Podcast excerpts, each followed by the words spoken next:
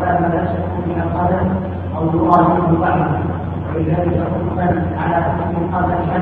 فالحكم للفوقان ويمسح أكثر العمامة وظاهر, وظاهر قدم الخف من أصابعه إلى ساقه دون أسفله وعقبه وعلى جميع الجبيرة. ومتى ظهر بعض محل الفرض بعد الحدث أو تمت مدته استأنف الطهارة. تقدم لنا في الدرس السابق ما يتعلق بصفة الوضوء وما كيفيته ثم بعد ذلك ذكر المؤلف رحمه الله ما يشرع للمتوضئ بعد نهاية وضوئه من الذكر ومن الأدب.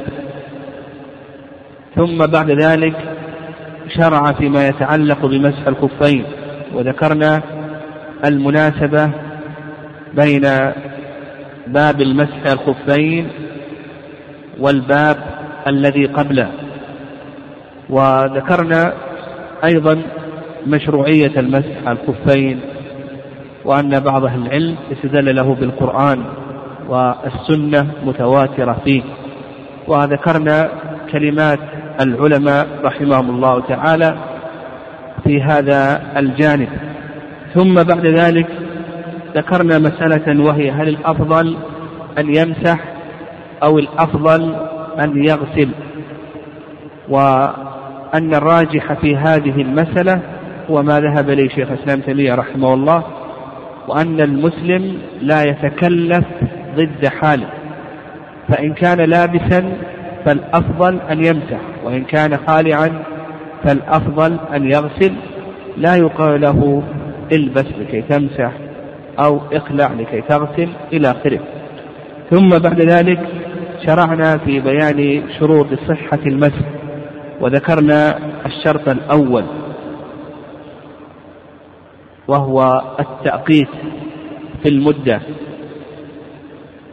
وأن مدة المسح للمقيم يوم وليلة وأما المسافر فثلاثة أيام بلياليها. وذكرنا رأي الإمام مالك رحمه الله تعالى في هذه المسألة وكذلك أيضا رأي شيخ الإسلام تيمية رحمه الله. ومتى تبدأ هذه المدة؟ ذكرنا أن أقرب الأقوال في هذه المسألة أن المدة تبدأ من أول مسح بعد حدث. ثم بعد ذلك قال المؤلف رحمه الله تعالى مباح. هذا هو الشرط الثاني من شروط المسح على الخفين أن يكون الخف وما يلحق به من جورب أو عمامة أن يكون مباحا. وعلى هذا إذا كان محرما فإنه لا يصح المسح عليه. فلو كان مسروقا نعم. كيف؟ تكلمنا عليه ده طيب هذا الشرط الثالث. طيب أش... طاهر. تكلمنا على طاهر. ما تكلمنا عليه؟ طيب. قول المؤلف رحمه الله على طاهر هذا هو الشرط الثاني.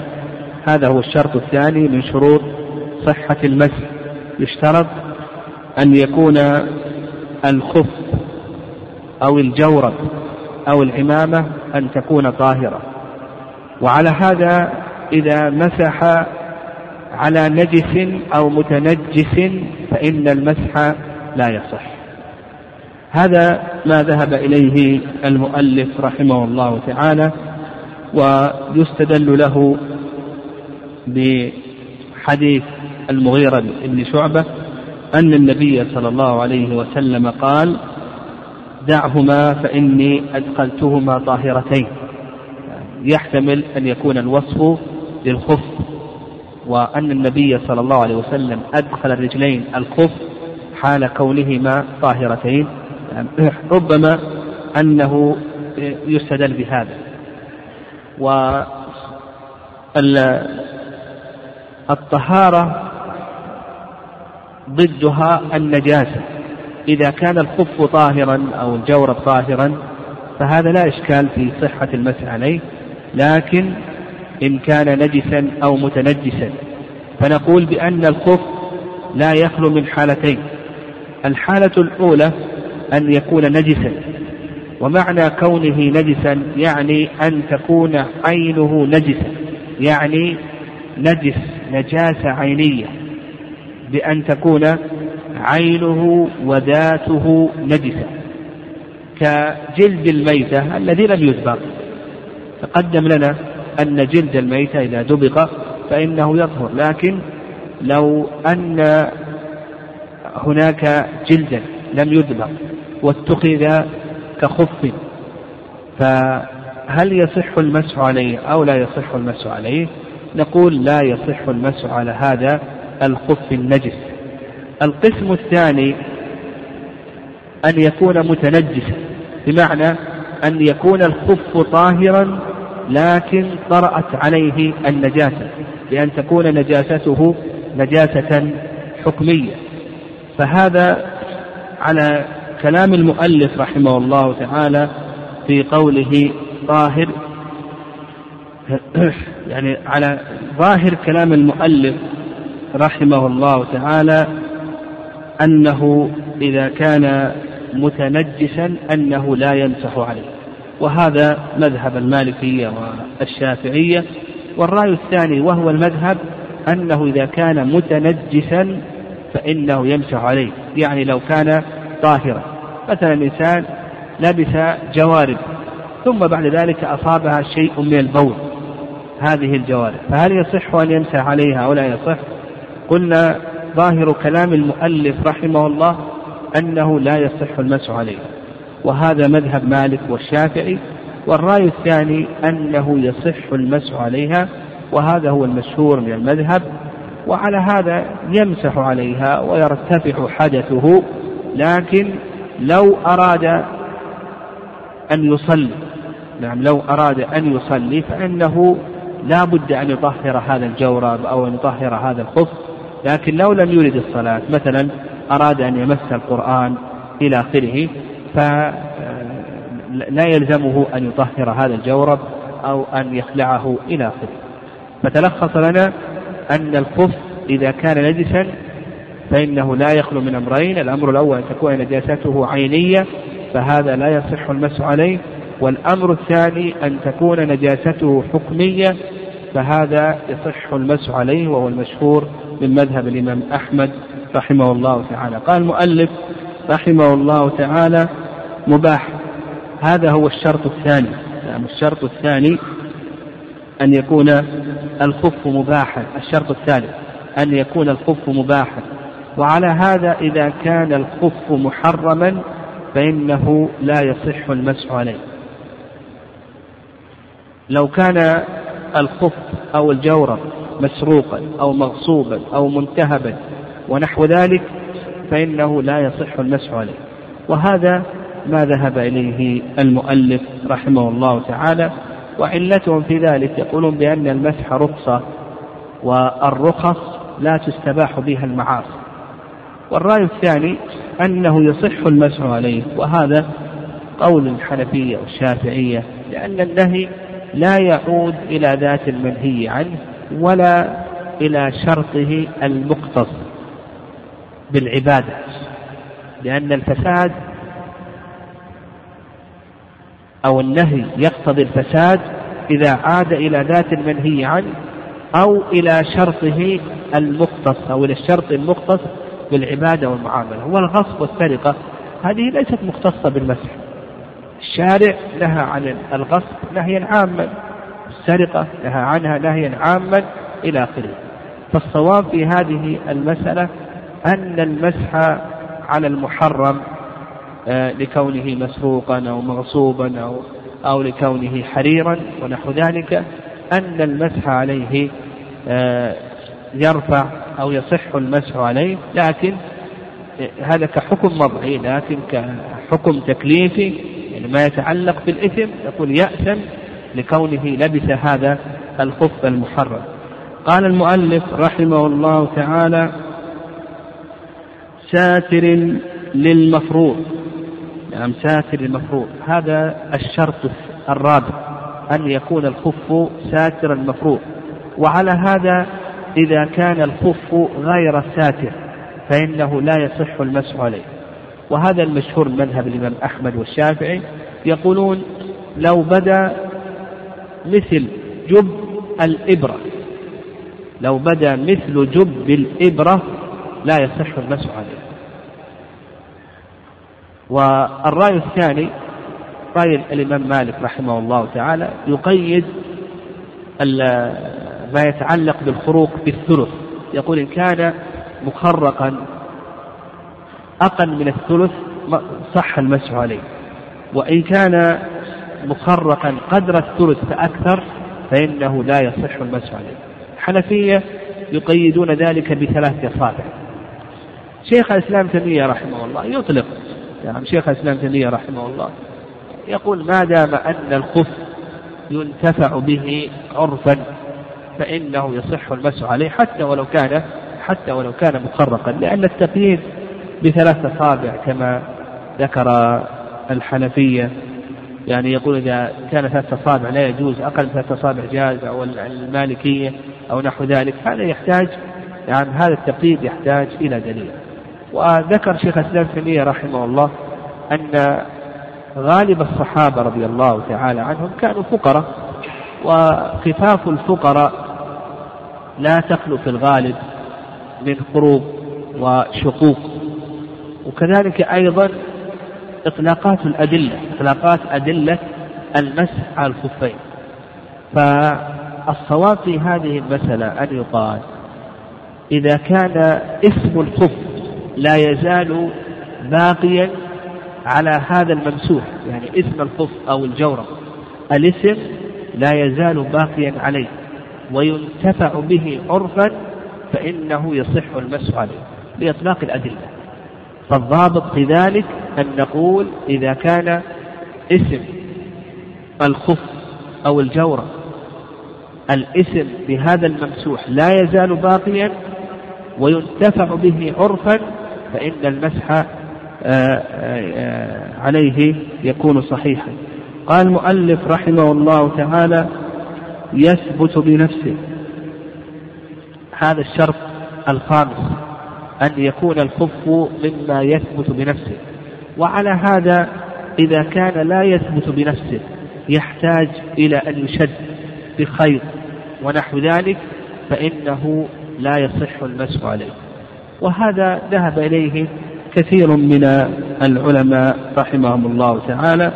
والرأي الثاني في هذه المسألة رواية عن الإمام أحمد رحمه الله رجحها شيخ الإسلام تيمية رحمه الله. أن الخف يصح المسح عليه سواء ثبت بنفسه أو ثبت بغيره يعني كأن كأن يثبت بشده بخيط أو أن يثبت بنعلين أو نحو ذلك فإنه يصح المسح عليه. ويدل لذلك آه، إطلاقات الأدلة فإن هذه التقييدات وهذه الشروط تحتاج إلى دليل. سبقا ذكرنا لكم قاعدة وهي أن العبادة إذا كانت مخففة من أصلها فإنه لا يشدد فيها. فالمسح على الخفين هذا رخصة. هذا رخصة. التخفيف دخل المسح على الخفين من أصل. وعلى هذا لا نقول بأنه يشدد في مثل هذه المسائل. فالصواب في ذلك نعم أن يكون نعم الصواب في هذا آه، أنه يصح المسح على الخف سواء كان مما يثبت بنفسه أو كان مما يثبت بغيره. قال المؤلف رحمه الله تعالى من خف وجور وجورب صفيق هذا الشرط السادس أن يكون الممسوح عليه خفا. وعلى هذا إذا مسح على الجوربين الخف هو ما يلبس على الرجل من الجلد والجورب ما يلبس على الرجل من الصوف أو القطن أو الكتان ونحو ذلك. الخف يصح المسح عليه باتفاق الأئمة لكن بقينا في الجوارب. هل يصح المسح عليها أو لا يصح المسح عليها؟ على كلام المؤلف قال وجورب صفيق أنه يصح المسح على الجوارب أنه يصح المسح على الجوارب. وهذا هو المشهور من المذهب والرأي الثاني ذهب إليه كثير من العلماء وقالوا بأنه لا يصح المسح إلا على الخفاف يعني ما يلبس على الرجل من الجلد. أما ما يلبس على الرجل من الصوف أو القطن أو الكتان ونحو ذلك فإنه لا يصح المسح عليه. والصواب في هذه المسألة ما ذهب إليه الإمام أحمد رحمه الله تعالى وهو الذي ذكره المؤلف أنه يصح المسح على الجوارب ويدل لذلك حديث المغيرة بن شعبة أن النبي صلى الله عليه وسلم مسح على الجوربين والنعلين وهذا الحديث في السنن وقد صححه الترمذي وابن خزيمة وابن حبان. وكذلك أيضا هو اللي وارد عن الصحابة رضي الله تعالى عنهم ثابت بأسانيد صحيحة عن الصحابة رضي الله تعالى عنهم. قال المؤلف رحمه الله صفيق. هذا هو الشرط السابع. الشرط السابع أن يكون صفيقا. يعني تقدم أن يكون ساترا يعني ليس فيه خروق هنا يكون صفيق يعني سميك يعني يكون سميكا. وعلى هذا إذا كان خفيفا فإنه لا يصح المسح عليه. يعني لو كان الجورب خفيف كما يوجد الآن بعض الشراب تكون الشرابة خفيفة وتكون الجورب يكون الجورب خفيفا إلى آخره ترى البشرة آه، من وراء آه، هذا الجورب هل يصح المسح عليه أو لا يصح؟ المؤلف رحمه الله تعالى ذهب إلى أنه لا يصح المسح عليه وسبق أن ذكرنا الضابط في هذه المسألة وأن الخف أو الجورب إذا كان اسمه لا يزال باقيا وينتفع به عرفا ينتفع به عرفا فإنه يصح المسح عليه. سبق أيضا أن ذكرنا أن عندنا قاعدة وهي أن آه، العبادة إذا كانت خففت في أصلها فإنه لا يشدد في شروطها وقيودها. المؤلف رحمه الله ونحوهما نحوهما آه مثل الجرموق. نعم والجرموق والجرموق يقولون بأنه خف قصير. نعم خف قصير. قال المؤلف رحمه الله وعلى إمامة رجل الآن تقدم لنا سبعة شروط وبقي الحقيقة شروط أخرى تأتينا إن شاء الله. لكن المؤلف رحمه الله تعالى قال لك على عمامة يعني أنه يصح المسح على العمامة وهذا المشهور من مذهب الإمام أحمد رحمه الله تعالى. والرأي الثاني يعني الرأي الثاني أن المسح على العمامة لا يصح. وهذا ما ذهب إليه أكثر العلماء. يعني أكثر العلماء ذهبوا إلى هذه المسألة وأن المسح على العمامة لا يصح. يرون أن المسح خاص بالخف أما العمامة فإنه لا يمسح عليها وما ذهب إليه المؤلف رحمه الله تعالى هو الصواب في هذه المسألة لأن المسح على العمامة ثابت عن النبي صلى الله عليه وسلم كما في حديث المغيرة بن شعبة الذي رواه مسلم في صحيحه فإن النبي صلى الله عليه وسلم في حديث المغيرة مسح على الخفين والعمامة فالصواب في ذلك ما ذهب إليه الإمام أحمد رحمه الله من صحة المسح الإمامة. لكن اشترط المؤلف رحمه الله تعالى للمسح الإمامة قال محنكة أو ذات ذؤابة يعني يشترط في الإمامة التي يمسح عليها أن تكون محنكة والمحنكة هي التي تدار من تحت الحنك أو ذات ذؤابة يعني يكون لها طرف مرخى. قالوا لأن هذه هي عمائم العرب. أما ما عدا ذلك كالعمامة الصمة فإنه لا يمسح عليها. والرأي الثاني اختيار شيخ الإسلام تيمية رحمه الله أنه يصح المسح على العمامة مطلقا لما تقدم من حديث المغيرة بن شعبة. وأما التقييد بكونها ذات ذؤابة أو بكونها محنكة إلى آخره فإن هذا مما يحتاج إلى دليل فالصواب في هذه المسألة ما ذهب إليه شيخ الإسلام تيمية رحمه الله تعالى آه هل المسح على العمامة مؤقت كالخف كالمسح على الخفين أو لا؟ يعني المسح على العمامة هل نقول بأنه مؤقت للمقيم يوم وليلة وللمسافر ثلاثة, ثلاثة أيام بلياليها؟ يعني المشهور من المذهب أن العمامة كالخف وأن المسح عليها مؤقت لورود ذلك عن عمر رضي الله تعالى عنه فهو ثابت عن عمر رضي الله تعالى عنه. وعند الظاهرية أن المسح على الإمامة نعم أن المسح على الإمامة غير مؤقت والصواب في هذه المسألة ما ذهب إليه الحنابلة رحمهم الله تعالى آه، وهو أن المسح على الإمامة مؤقت يعني مؤقت لورود ذلك عن عمر وعمر له سنة متبعة. كذلك أيضا هل يشترط في المسح على الإمامة ما يشترط في المسح على الخفين؟ يعني أن يلبسها على طهارة كما سيأتينا إن شاء الله. أو أن هذا ليس شرطا إلى آخره. المهم المشهور من المذهب أنهم يلحقون العمامة بالخف لأنه ورد عن عمر رضي الله تعالى عنه في أن العمامة مؤقتة كالخف فإذا كان ذلك ورد عن عمر رضي الله تعالى عنه دل ذلك على أنها تأخذ أحكام الخف قال المؤلف رحمه الله تعالى وعلى خمر السائل مدارة تحت حلوق حلوقهن. أيضا يصح المسح على خمر النساء.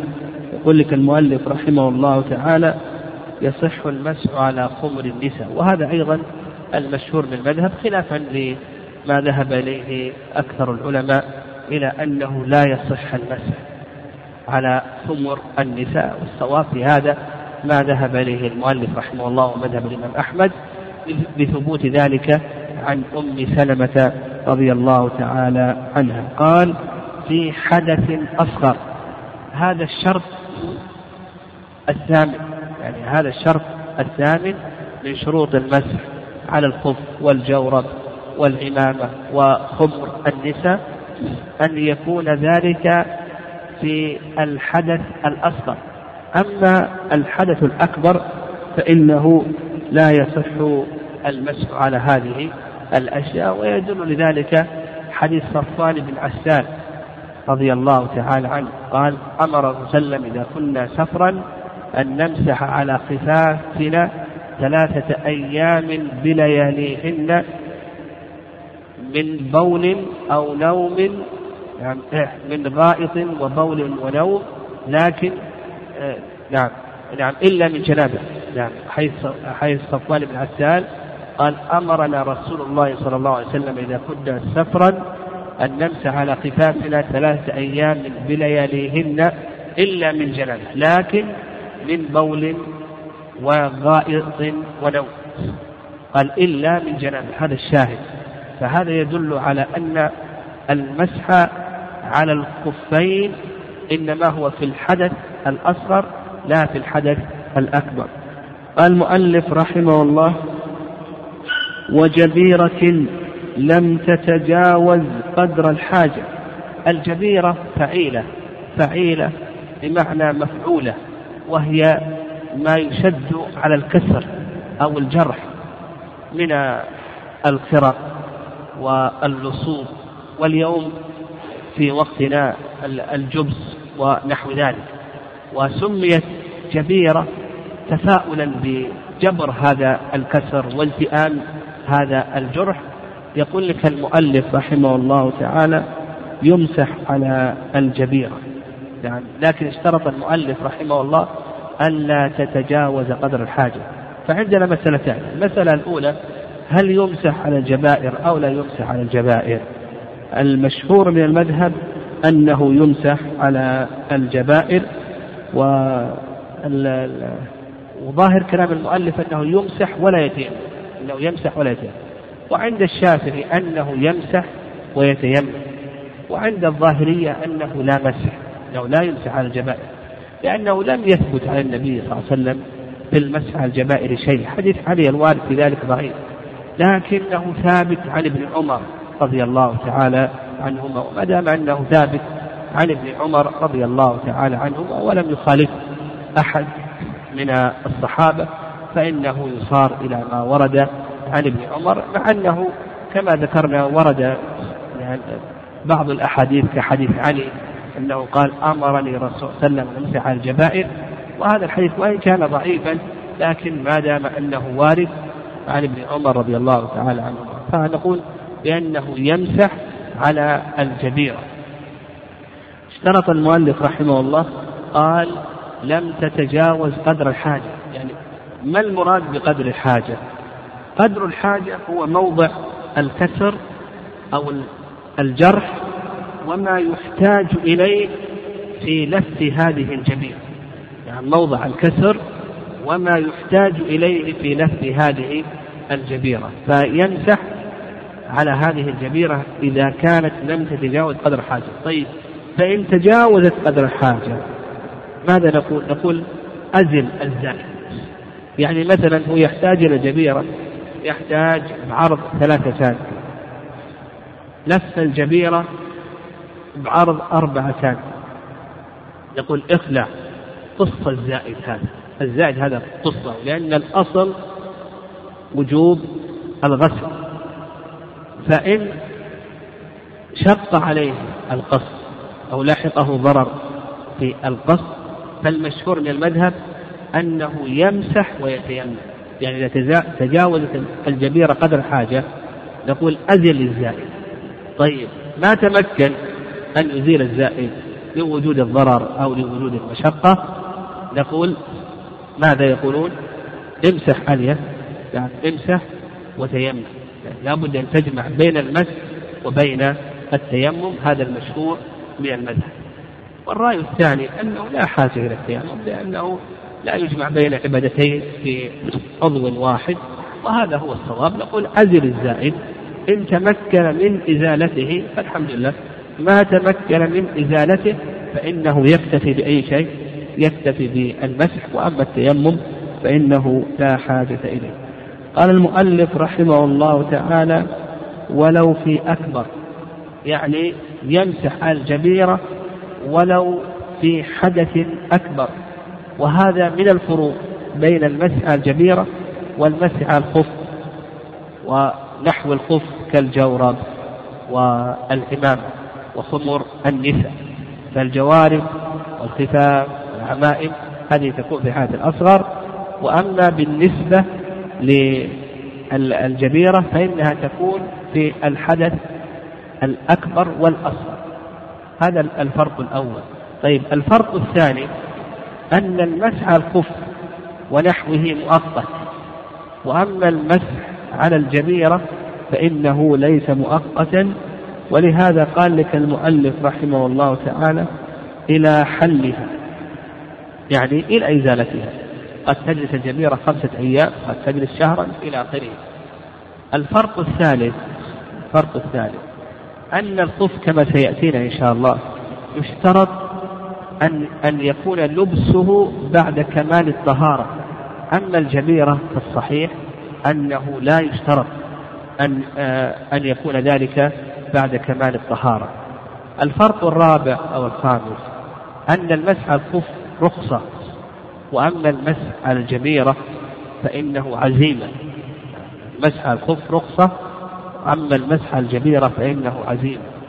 الفرق الخامس أن الخف يشترط أن يكون ساترا وأن يكون سميكا كما تقدم أما بالنسبة للجبائر فإنه لا تشترط مثل هذه الشروط الفرق السادس أو السابع أن الجبيرة لا بد أن تمسحها كلها إذا أردت أن تمسح ما تمسح الظاهر فقط بل لا بد أن تمسحها جميعا الجبيرة الأعلى والأسفل والجوانب كل الجبيرة لا بد أن تمسحها.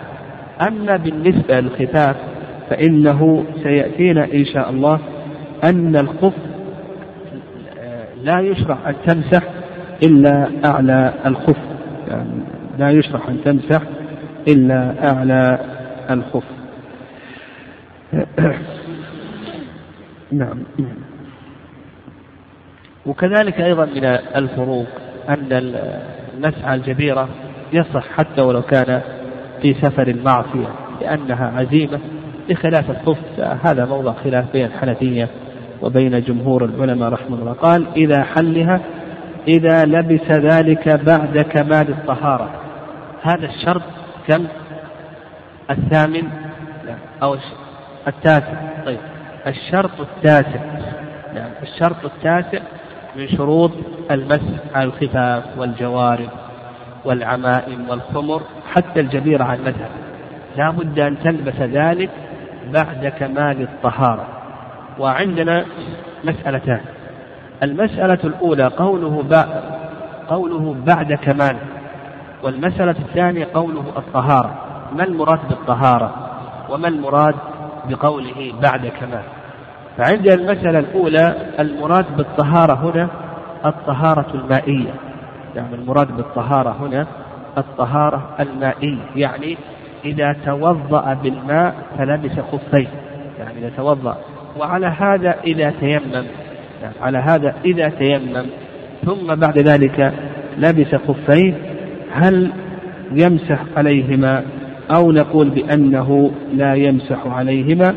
إلى آخره نقول لا إذا تيمم فإنه إذا تطهر بالتراب فإنه لا يمسح على الخفين لو لبس الخفين.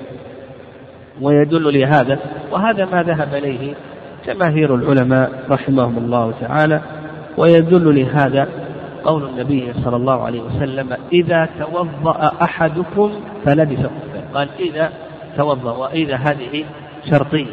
وأيضا حديث أبي ذر أن النبي صلى الله عليه وسلم قال الصعيد الطيب وضوء المسلم وإن لم يجد الماء عشر سنين فإذا وجده فليتق الله وليمسه بشرته قوله وليمسه بشرته. هذا يدل على أنه ما يمسح على الخفاف لا بد أن يمس الماء الرجلين.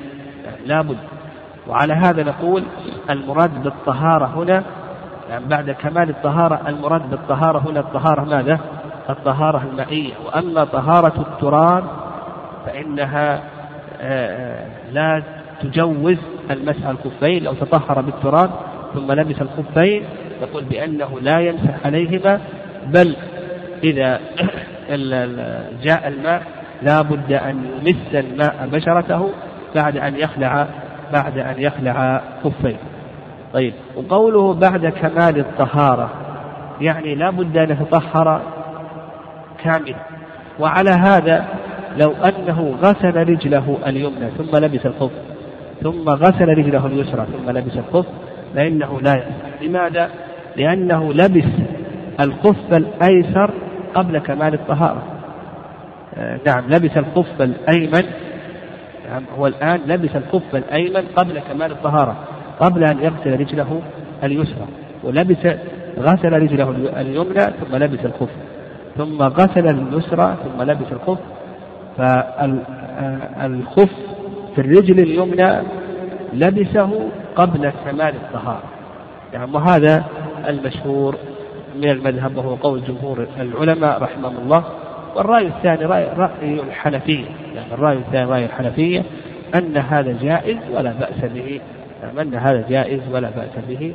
وهذا أيضا اختيار شيخ الإسلام تيمية رحمه الله لأنه يعني ما في فائدة أن يقول اخلع والبس.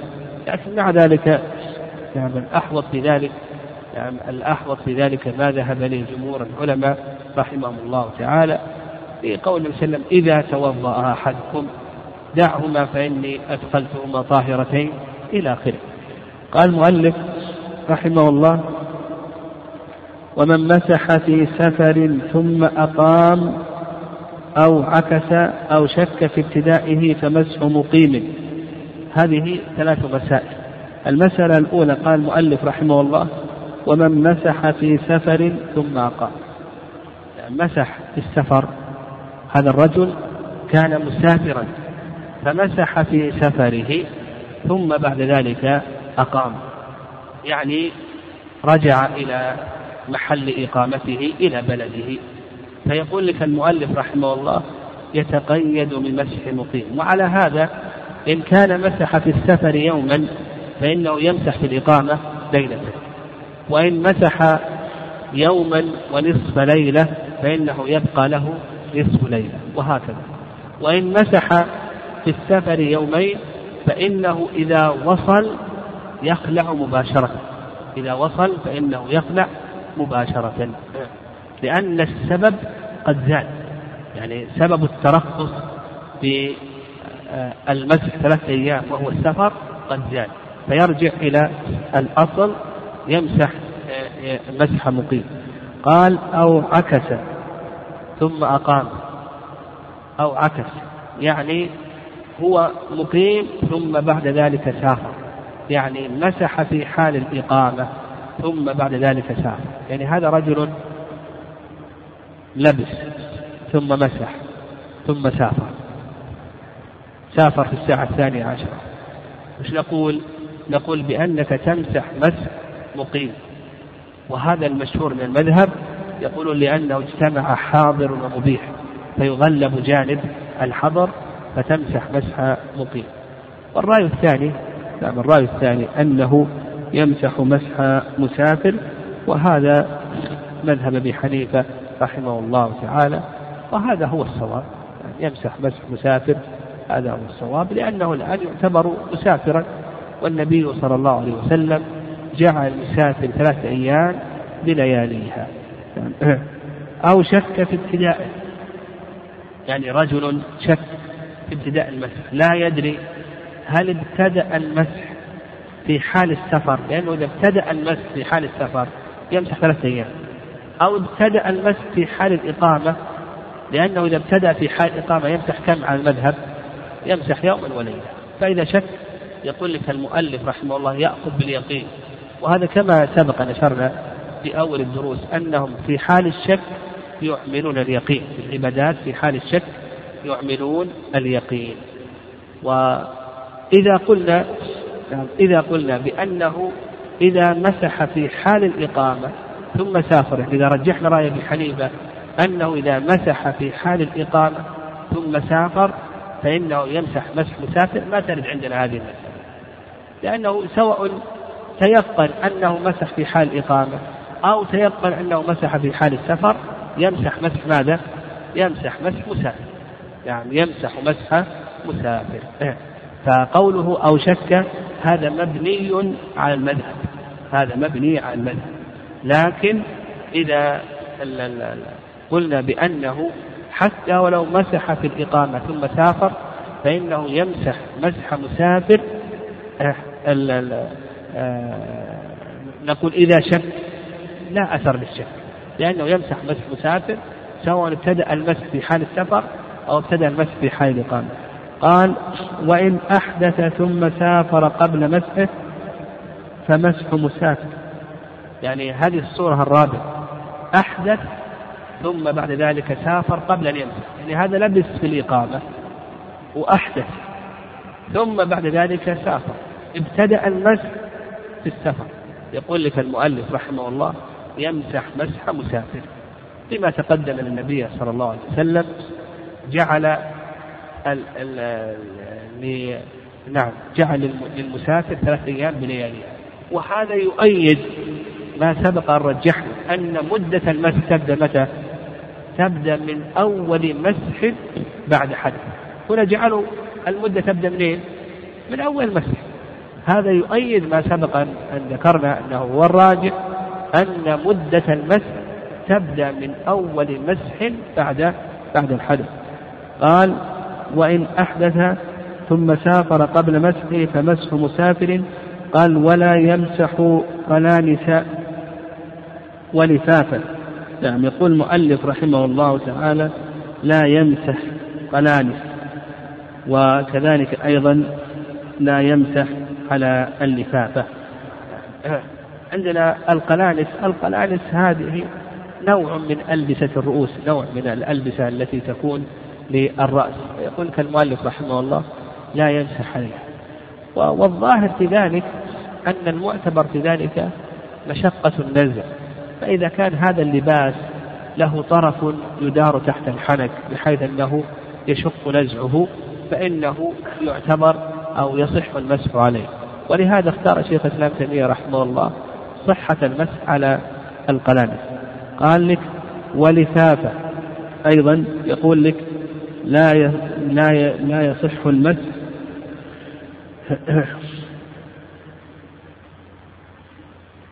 نعم يقول لك المؤلف رحمه الله تعالى لا يصح المسح على اللفافة القنانس كما ذكرنا أنه المؤلف رحمه الله يقول لا يصح المسح عليها وهو رأي أكثر أهل العلم رحمه الله تعالى. ابن حزم رحمه الله يجوز المسح عليها وذكرنا الأقرب في الضابط بذلك أنه إذا كان يشق كما هي الرواية الأخرى عن الإمام أحمد أنه إذا كان يشق المسح عليها بحيث تكون مدارة تحت الحنك ونحو ذلك فإنه يصح المسح عليها.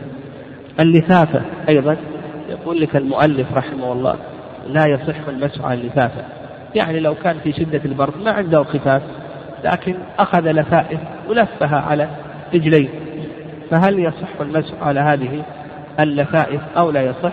المؤلف رحمه الله يقول لا يصح المسح وهذا قول أكثر أهل العلم رحمهم الله.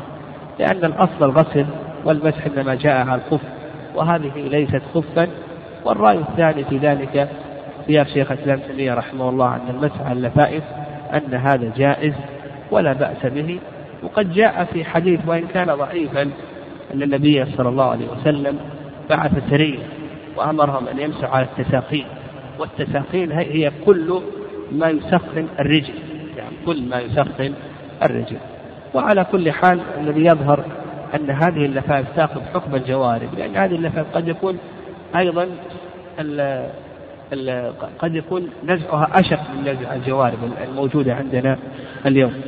قال ولا ما يسقط من القدم أو يرى منه بعضه يقول لك المؤلف رحمه الله لا, لا يمسح على الخف الذي يسقط من القدم. تقدم الكلام على ذلك وأنهم قالوا يشترط أن يكون الخف مما يثبت بنفسه أو يرى منه بعض. تقدم أنهم يشترطون أن يكون الخف ساترا للمفروض. قال فإن لبس خفا على خف قبل الحدث فالحكم الفوقاني. نعم. إذا لبس خفا على خف نقول له حالتان.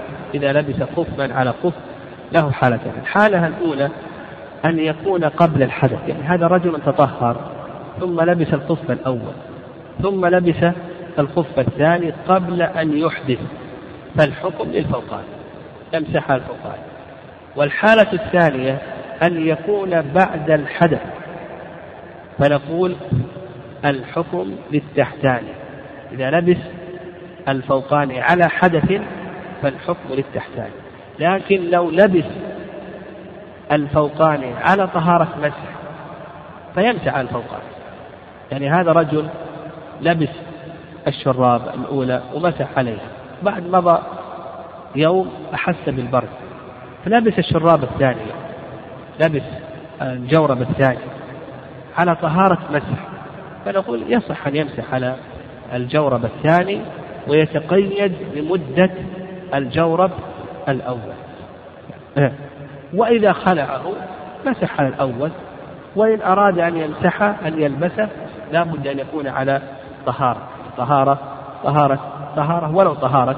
نعم ولو طهارة مسح قال المؤلف رحمه الله ويمسح أكثر العمامة يعني في نهاية الباب المؤلف رحمه الله أراد أن يبين كيفية المسح. وهكذا العلماء رحمهم الله يذكرون الباب وما يتعلق بشروطه وأركانه وسننه وآدابه ثم بعد ذلك يذكرون ما يتعلق بالكيفية.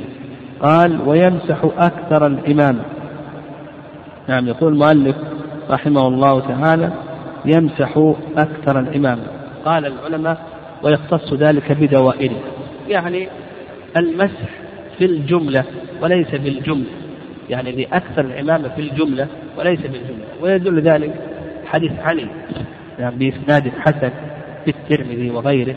قال أنه رضي الله تعالى عنه قال لو كان الدين بالرأي لكان أسفل الخف أولى بالمسح من أعلاه.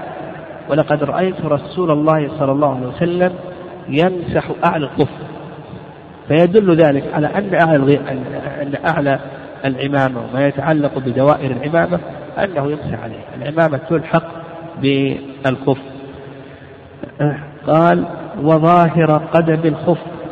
يعني ظاهر القدم كما تقدم في حديث علي رضي الله تعالى عنه. قال من أصابعه إلى ساقه دون أسفله وعقبه. يعني يقول لك المؤلف رحمه الله يمسح من الأصابع إلى الساق.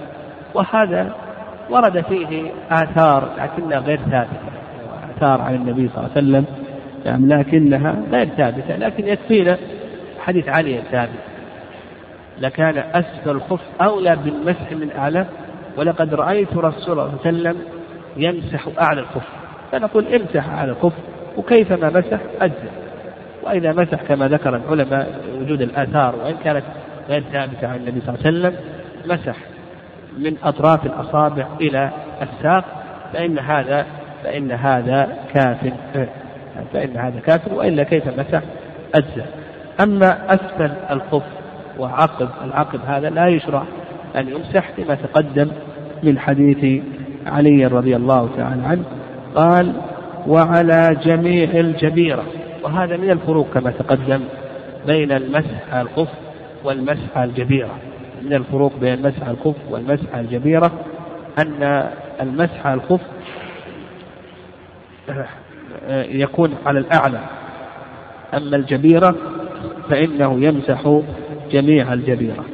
قال المؤلف رحمه الله ومتى ظهر بعض محل الفرض بعد الحدث أو تمت مدته استأنف الطهارة.